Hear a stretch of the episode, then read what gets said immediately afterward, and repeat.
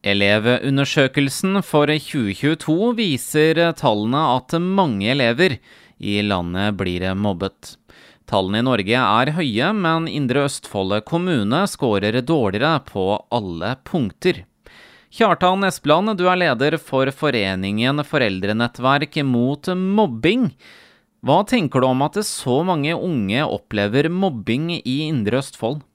Eh, det jeg tenker er at det, at det er krise både i Indre Østfold og i resten av landet.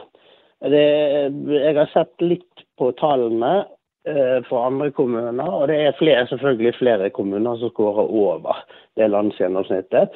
Og det landsgjennomsnittet er altfor høyt. Eh, det som vi må huske på, er at mobbing er fysisk og psykisk vold. og Det er òg defineres som et overgrep. Og barn som blir mobbet, får seinskader. Men hvor høy er tallene i Indre Østfold? Det, det som UDI har eh, offentliggjort, så er det på syvende trinn 12,2% altså mer enn én av ti. Og eh, tiende trinn er det 9,6 altså litt over landsgjennomsnittet. Vi skal snakke litt mer om mobbing, men hvorfor er tallene så høye i Indre Østfold enn landsgjennomsnittet? Eh, det er umulig å svare på. Det finnes eh, mange dyktige folk i Indre Østfold. Eh, men, men det jeg tror personlig, er at det handler om prioriteringer. Altså, altså dette her med skolemiljø, det må prioriteres hver eneste dag. Eh, om det er etter en pandemi, eller etter en streik, eller etter en helg, eller etter en ferie, så må en på en måte sette dagsordenen og, og få og hjelpe eh, barn og unge med å, eh, å si, se hverandre, se verdien av at folk er annerledes, og, og være anerkjennende og like elever som er annerledes. Til smålendene så sier du at eh, når skolen har over 10% med elever som blir mobbet, så kan det være skadelig å gå på skolen. Hvorfor det? For én av ti barn i norsk skole, altså, eller i kommunen her, så eh, opplever skolen som en krigssone. Eh, det er rett og slett farlig å gå på skolen. Det er skadelig å bli mobbet. Barn som blir mobbet, får seinskader. Det kan være selvskading. Det kan være spiseforstyrrelser, og det kan være angst, og det kan være selvmordstanker. Og i de verste tilfellene, som vi kjenner til noen av, så har barn og unge tatt livet av seg. Og det er helt forferdelig. Og, og sånn kan vi rett og slett ikke ha det. Men hvordan foregår mobbingen i dag?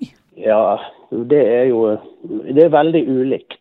Uh, altså, her må vi jo skille mellom aldersgrupper òg. Altså, det å, å, arbeide med mobbing, altså i veileder og sånt som skolene får, så står det omtrent det samme.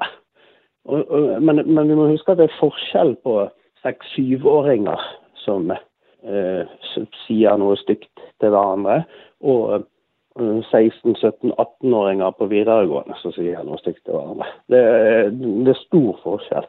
Og det er derfor, derfor er Eh, er det en viktig sånn detalj i lovverket og er at man må tro på barna når, når, man hører noe.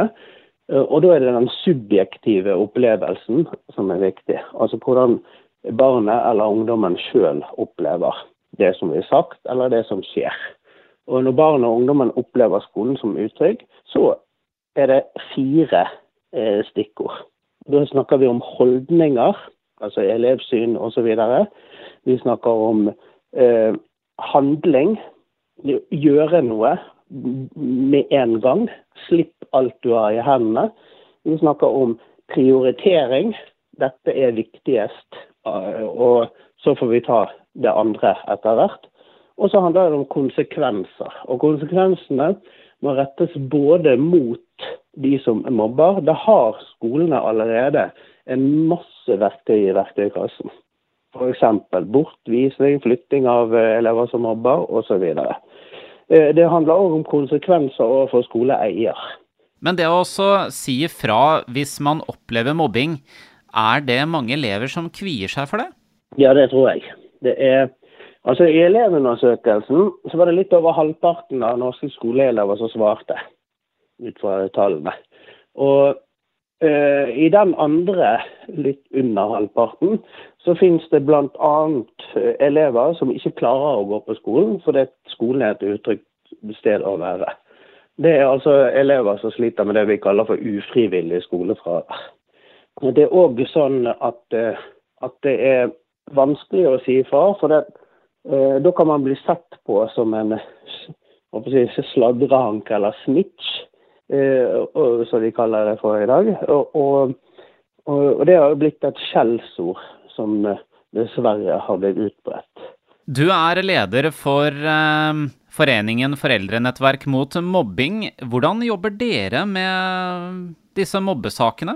Eh, vi eh, går ikke inn i enkeltsaker og gir veiledning.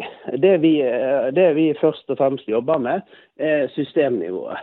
Og, så vi svarer, beskriver høringssvar. Vi har vært i møter med diverse kunnskapsministre og prøvd å få på plass dette med uavhengig klageinstans bl.a. Fri rettshjelp og osv. Eh, det som mange fort glemmer når vi snakker om mobbing. Det er, sånn, det, det er at mobbing faktisk er fysisk og psykisk vold. Altså Vi må, vi må si, si, det til oss sjøl, og vi må si det til hverandre hele tiden. Og, og det gir seinskader. Og, og, Det jeg glemte å si i sted, det er at det gir ikke bare seinskader til de som blir mobbet. Det gir òg seinskader til uh, elever som mobber og ikke blir korrigert eller ikke blir fanget opp og ikke får hjelp. Det er òg alvorlig. Så skjer det også mobbing på sosiale medier som TikTok og Snapchat. Ja. Det kan av og til ta litt tid før det oppdages og avdekkes. Det har jo med eh, bl.a. sosiale medier. Men det er òg fremdeles sånn, har jeg sett, i mange tilfeller, at det flytter seg inn i skolen. Og det, uansett så er det, er det skolen som har primæransvaret her for å ordne opp. Det er veldig mange som sier ja, men foreldrene må, foreldrene må jo oppdra ungene sine. Ja, men foreldrene er ikke på skolen når barna er der. Hva må til for å få ned alle disse mobbetallene i samfunnet i dag? Eh, det er veldig mye. Eh, vi trenger f.eks., som jeg har sagt før, eh, at klageordningene blir bedre. Vi trenger òg det, det, som dreier seg om holdninger, altså elevsyn. Det å handle, det å gjøre det man kan i det man får høre at noe har skjedd, eller oppfatter at noe har skjedd. Det handler om prioritering. Eh, skolemiljø, klassemiljø, elevmiljø må prioriteres høyest hver eneste dag. Og det handler om konsekvenser.